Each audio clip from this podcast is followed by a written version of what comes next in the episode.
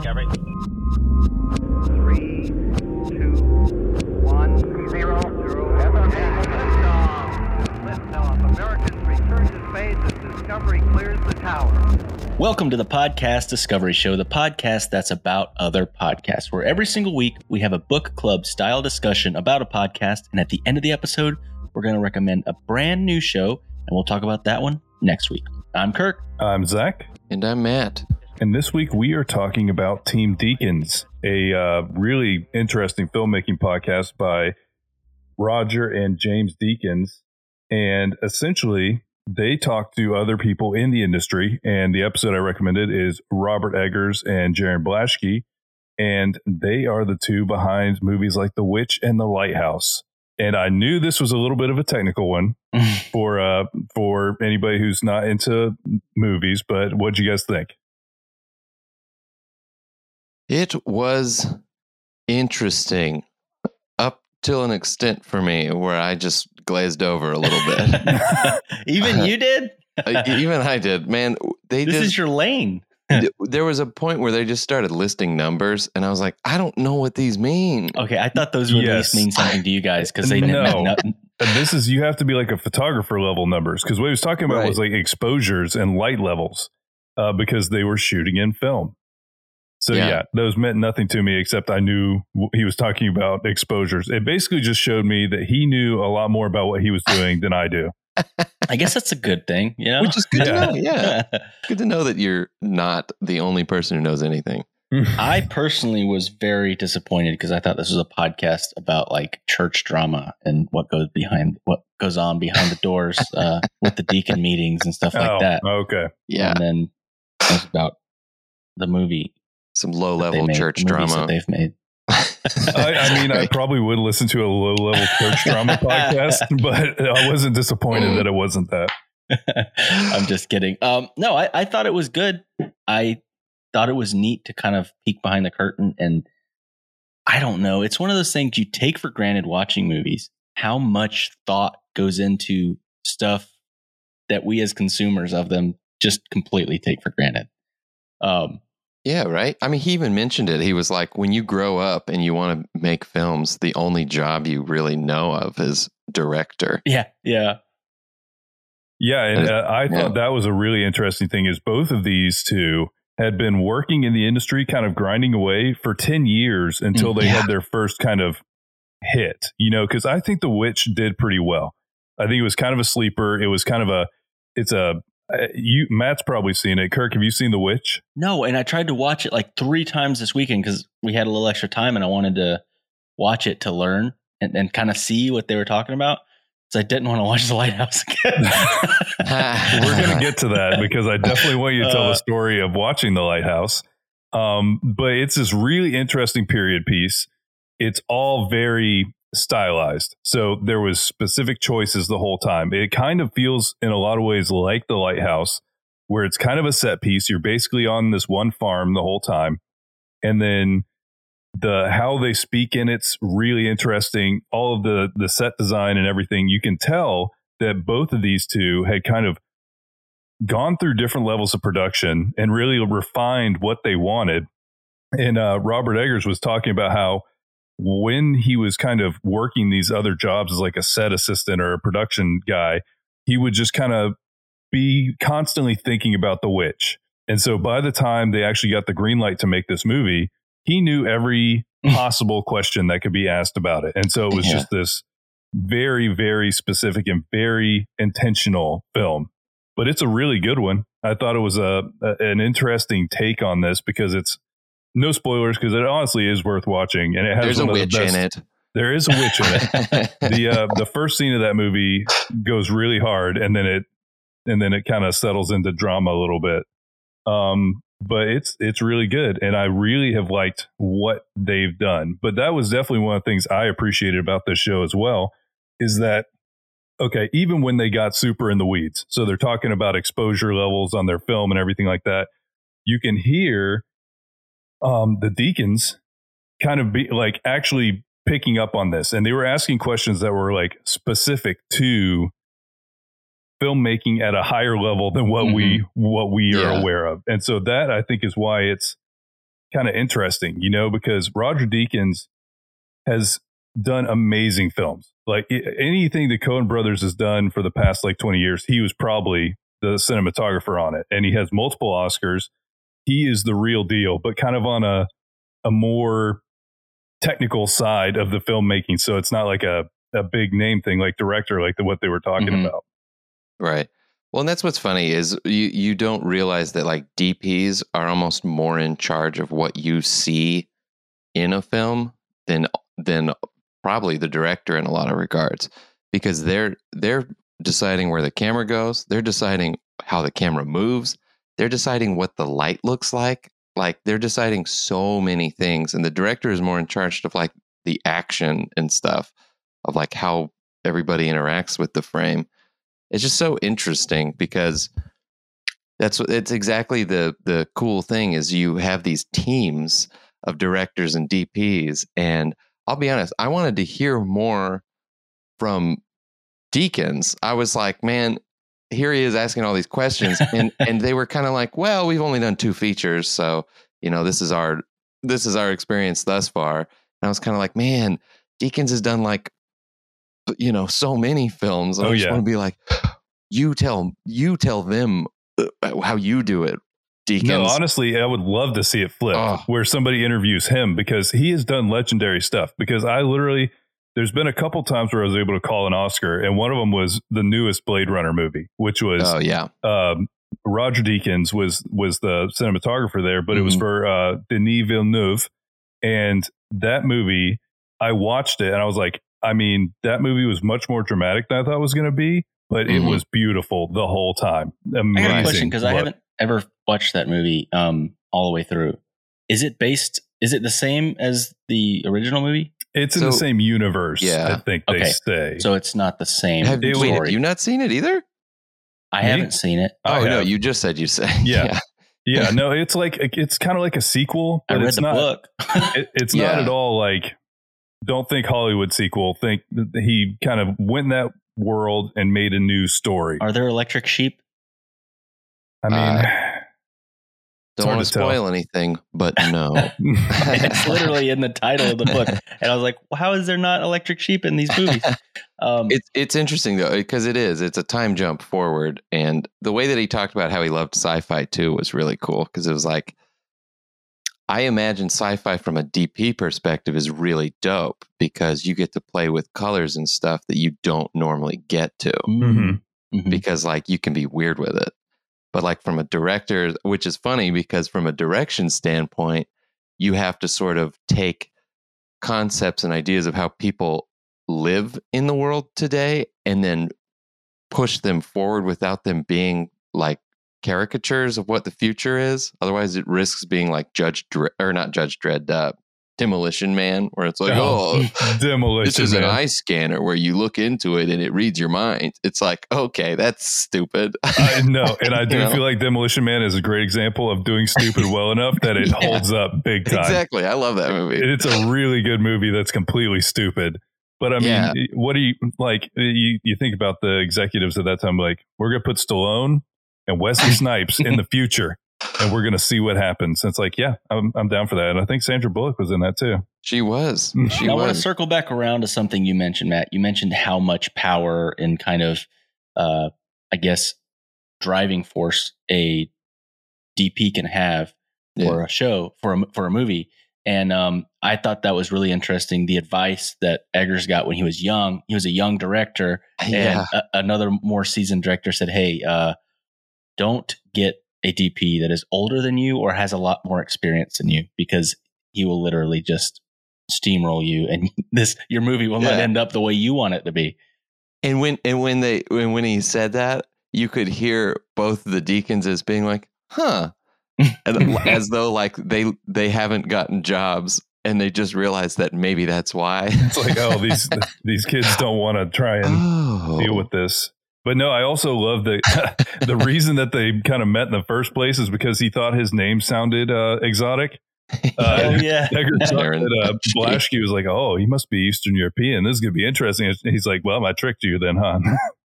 so it's just, and then they kind of just became really close. I love this idea too, where you kind of see the meeting of these two people that'll probably end up working together for a long time. You know, you it seems like they have really good chemistry between the two of them and their artistic vision.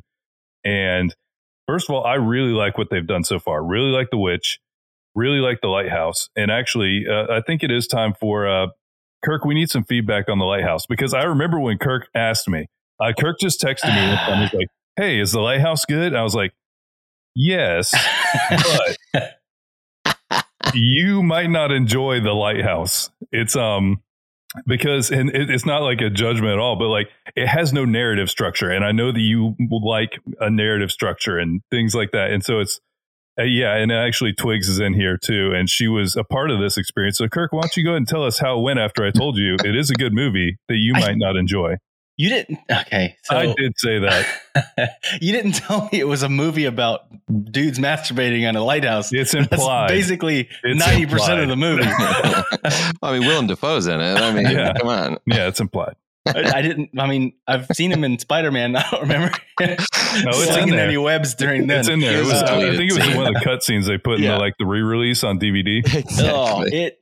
Sam was- Raimi's theatrical cut did not include it. I can. I will, I will say I could see the the appeal from the visual standpoint of like some of the stuff that they did visually was crazy. Like oh yeah it just was a beautiful movie. But I hate movies that don't have a freaking plot. I'm sorry. If you give me if you I'm watching a movie to be entertained. That's that's that's the whole purpose were of you not entertained no, I wasn't. I was just uncomfortable the entire time. I mean, it could have something to do with the fact that you're like, "Hey, Twigs, do you want to watch The Lighthouse?" And you both just watched this together without Yeah, any kind was- of context It of ended what's up happening. being not what I expected uh, at all. But also, like, it was one of those ones that I also don't like movies that don't have a a good ending or like you don't know what happened or what it was about, and then you at the end you're like, "What did I just watch?" It just feels like you just wasted all your time because you don't even know what just happened. You know, And, and then I, I. I did some internet research later, and nobody knew what happened in that movie. Nobody. There's nothing but theories as to what actually the movie was about. And I will say that I love that. I love I that it. because then it leaves it. Each person can kind of have their own view at it. And first of all, I do understand I why. ain't making no freaking movie. They're making a movie. I'm supposed to be told what happened. No, That's you don't their job. To though. I love that they've left it open because, and I also love it, especially on the lighthouse specifically, is because that whole movie is like a descent into madness. And by the end, you're like, I feel like I'm losing it. I don't. I've lost the plot. I've lost what's happening. I don't know what's real anymore. And they kind of take you there as you're watching the the actors go there, and it was extremely well acted. It, It was, was- very well acted. It basically was a play. They're in like one room the whole time.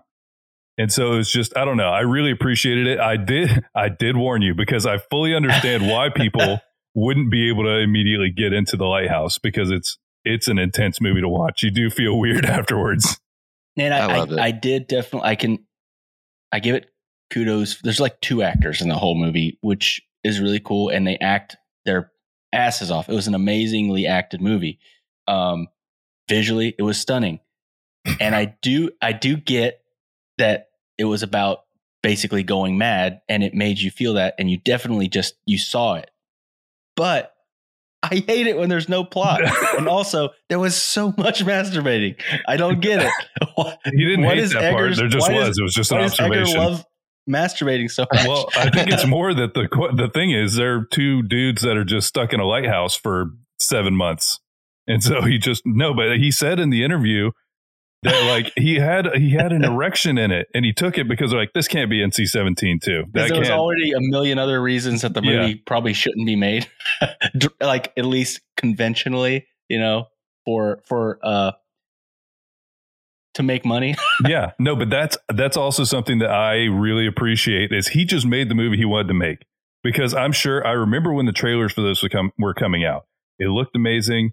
I loved the cast of it, and I was like, okay, this looks sweet. But they kind of framed it as like a horror movie, and so I bet there was a lot of people who were very confused leaving the movie theater. I did think it was Yeah. going to be a horror movie. I really did.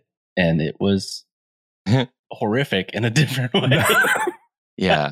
I mean, I always, I, it's hard, it's hard not to see the lighthouse as, as a metaphor for an erect uh, penis. Yeah, uh, I would say so as too. we- I feel like it was a descent into madness from the perspective of uh, masculinity, toxic masculinity, basically. I could see that because Which- Dafoe was intense in that movie. Mm. Damn ye, Winslow! that whole monologue where he's like, "Do you like the lobster?" I couldn't even figure out who That- was going crazy, or if they were both going crazy, or if I was going crazy. It- I think they were both, uh, you know, I think everyone was going crazy. yeah, I just I really appreciated like the originality of what they did here. And then they talk in this episode about all of the crazy detail that was involved Yeah. in doing it. They shot in an intentionally hard format with film and so they they added 10 layers of extra difficulty on top of filming in a lighthouse that they had to construct and like it was the whole thing was clearly something that they had a passion for. They had a a view of what they wanted it to be, and they wouldn't they wouldn't compromise on it. So it's I, I really appreciated that about it. But I Yeah. loved kind of this conversation where you're talking to uh, two people who are extremely successful in the industry. They're talking to two up and comers, and you kind of get sometimes you do get in the weeds because they're all in this. They are all they're like peers, and they're talking about things that they understand and we don't. Yeah. But if you really enjoy filmmaking, or even if you want to be more involved doing filmmaking, I think that you pick up even more from this. If you're trying to learn the actual craft of it, I bet there's even more that you can gain from this than us, who are just like I. I mean, Matt. Matt has a lot more experience with uh, production and everything like that than Kirk and I. I just like movies, and so I Yeah. enjoyed it from that level. But I think that you can enjoy it even more so if you were trying to dig in and learn. And then I Yeah. read that Team Deakins, you can go on their website and you can just ask them questions. You sign up and like they have like a forum, and the whole point of the forum is kind of like filmmaker to filmmaker kind of conversations and questions.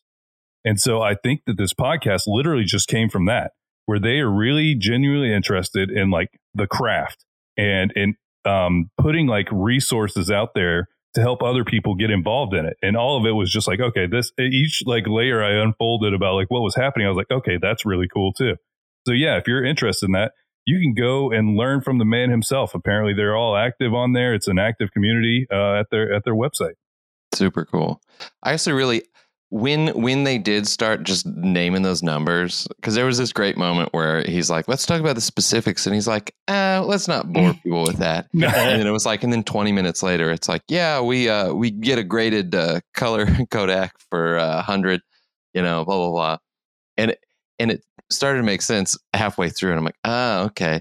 But I loved the story of how they they had very low uh ISO basically film Mhm. Like 100 is very low so they had to really light everything like extensively.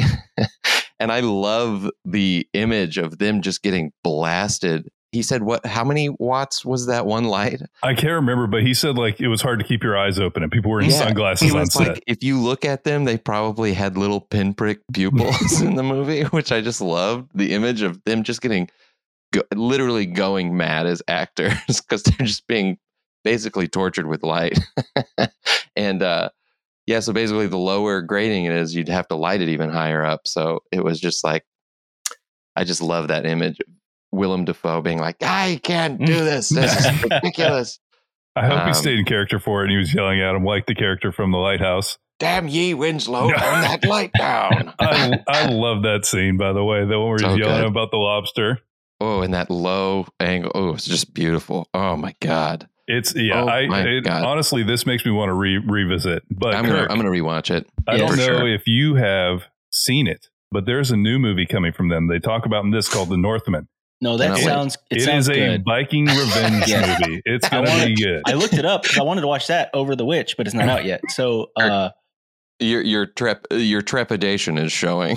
well, here's the thing. Now that I know who's making this, He's just worried about the surprised. masturbation. I just will. I'm just going to expect all the masturbation and uh, no plot, but um, I'll still watch it.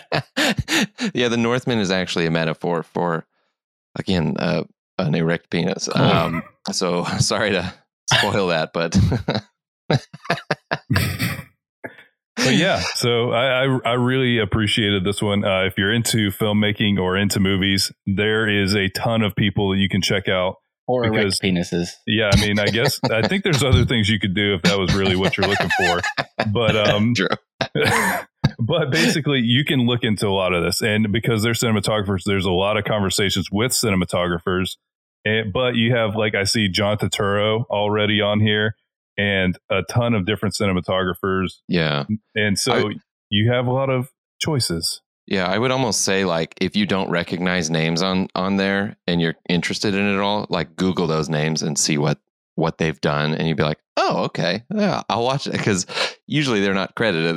it's not like directed by, and then Mhm. right under that, director of photography, this guy. This I do kind of love it though because there Yeah. are a couple that, and actually uh, Roger Deakins is one of them that I kept uh, because I'd seen all the Coen movies. And I'm like, these movies are amazing, and you just see keep seeing Roger Deakins, and it was the same thing with um, uh, Villeneuve, same thing, and then um, what's his name, Lube- yeah, the, the one who works with Alfonso Cuarón.